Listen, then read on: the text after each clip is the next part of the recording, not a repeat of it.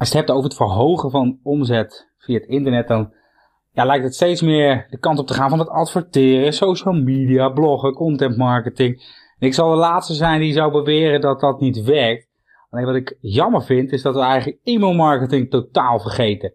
E-mail marketing is ook een beetje een soort van hokje geduwd van, ja, dat deden we vroeger, want dat is hetgeen wat we deden, het sturen van nieuwsbrieven. En natuurlijk is het sturen van nieuwsbrieven vorm van e-mail marketing, alleen er is nog zo, zo, zoveel meer uit te halen. En in deze woensdag gemakdag aflevering laat ik je zien waarom het belangrijk is om e-mail marketing in je online marketing mix te verwerken. En sterker nog, ik laat je ook zien waarom e-mail marketing nog werkt.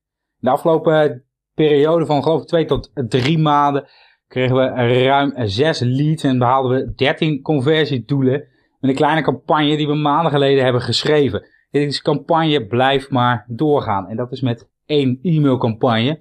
En je kunt je gaan voorstellen wat er gebeurt als je meerdere van dit soort campagnes zou gaan inrichten. Dus dat het succes van e-mail marketing totaal nog niet voorbij is en dat je eigenlijk enorm veel kansen laat liggen als je er geen aandacht aan besteedt. Dat ga je allemaal ontdekken in deze woensdag gemakdag. En ik laat je ook zien wat de nieuwste technologieën zijn wanneer we het hebben over de e-mail marketing. Kijken we naar de e-mail marketing, dan sturen de meeste mensen die het nu nog gebruiken, en gelukkig zijn er ook talloze mensen die al wel met de nieuwste technieken werken. We zijn eigenlijk een beetje gewend van uh, de nieuwsbrief. Oké, iedereen op mijn lijst en die krijgt iedereen hetzelfde bericht. Tegenwoordig ja, kunnen we naar de maan, auto's rijden automatisch. Dus, en dan zou je dus niet verwachten dat e-mail marketing niet immens gegroeid is. Er komen steeds meer nieuwsberichten aan dat uh, laatst is er nog zo'n appje gelanceerd die je ouder kon maken dat er allemaal privacy van je verzameld werd. Dat is nu eenmaal zo op het internet. Je zou eigenlijk geen internet meer moeten gebruiken als je geen privacy kwijt zou willen. Doordat we steeds meer kunnen monitoren, krijg je ook steeds meer op maat gemaakte campagnes. Aan de ene kant is het eng dat bedrijven je zo goed in de gaten houden. Aan de andere kant krijg je dus niet meer reclame die je toch niet interessant vindt, maar zeer gerichte reclame. En tuurlijk ben je dan een stuk meer beïnvloedbaar. Maar aan de andere kant, als ik totaal geen interesse heb in pindakaas, maar helemaal gek ben van chocola of van een rauwe ham. Ja, waarom zou ik dan een aanbieding willen van pindakaas? Geef me dan liever een aanbieding op de rauwe ham. Dus er is zowel voor- als nadelen van. Waarom e-mail marketing nog wel werkt, is dus eigenlijk op basis van de tijd waarin we nu leven. Heb jij een systeem waarop je op dit moment alleen nog maar nieuwsbrieven kunt versturen, dan is het tijd dat je over gaat stappen naar een ander systeem. Er zijn talloze uh, e-mail marketing softwarepartijen in de wereld.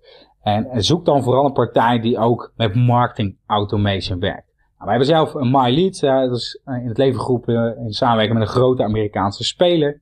En het voordeel van zo'n soort systeem is dat je dus kunt gaan segmenteren.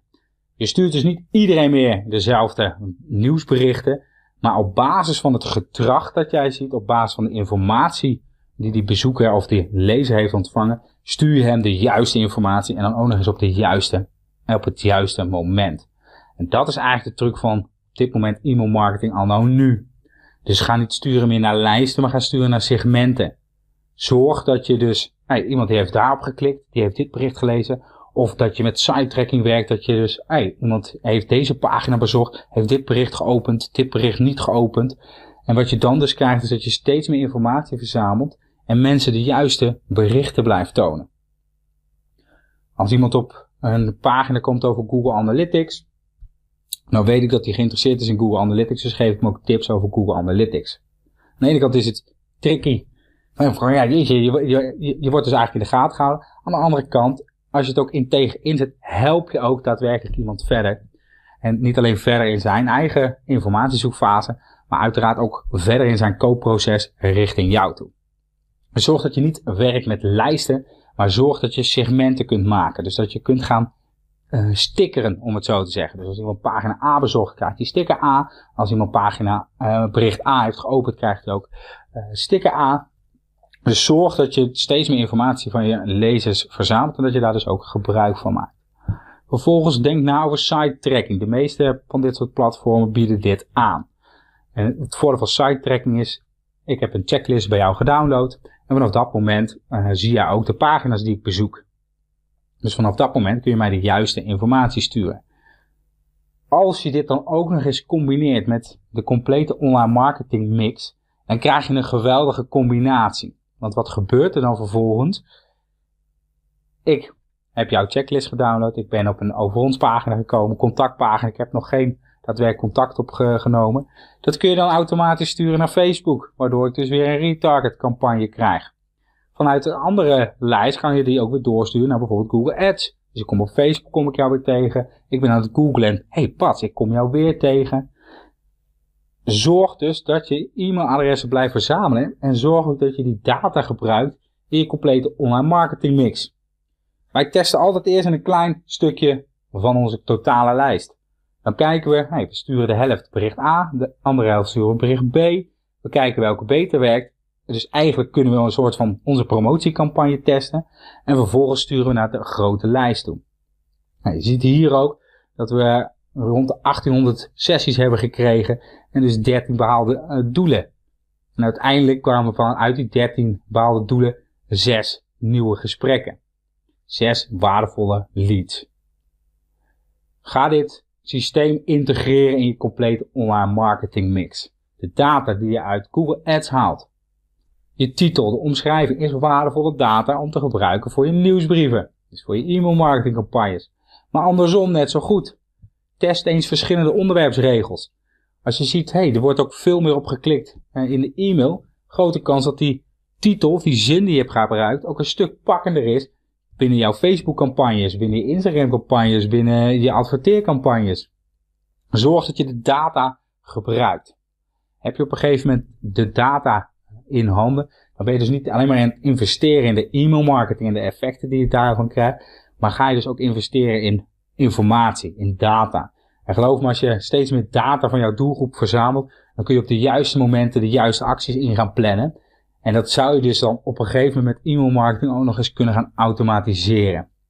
Nou, en hoe heerlijk is het als je enkele strategieën per dag maanden geleden ergens werken hebt, uh, aan, aan hebt besteed en vervolgens dat alle stromen, alle kanalen automatisch gaan. En het enige wat jij nog hoeft te doen is de telefoon op te pakken en die leads te woord te staan.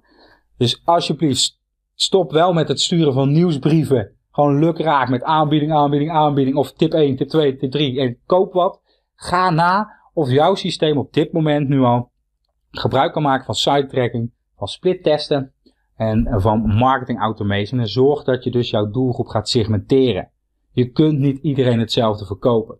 Denk na in welke fase je klanten zitten. Denk na hoe je ze via mail 1 door kunt sturen naar de volgende fases.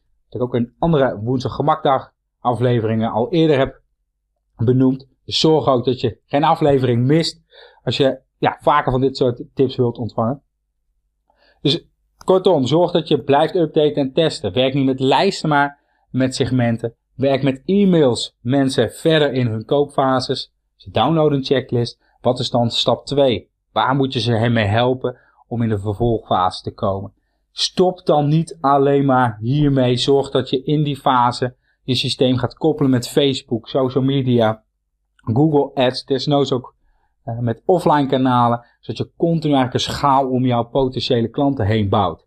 En hoewel dat nu nog technisch klinkt, dat auto's zelfstandig rijden, dat je naar de maan kunt vliegen, we zijn heel ver en het hoeft allemaal niet meer technisch te zijn. Er zijn zat systemen die jou hiermee kunnen helpen. Heb je vragen, opmerkingen, suggesties voor een volgende woensdag gemakdag aflevering? Laat dat van je horen. Heb je zoiets ik gebruik helemaal geen e-mail marketing en ik geloof er helemaal niet in. Dan hoor ik ook graag jouw mening hierover. En dan zie ik je bij de volgende aflevering.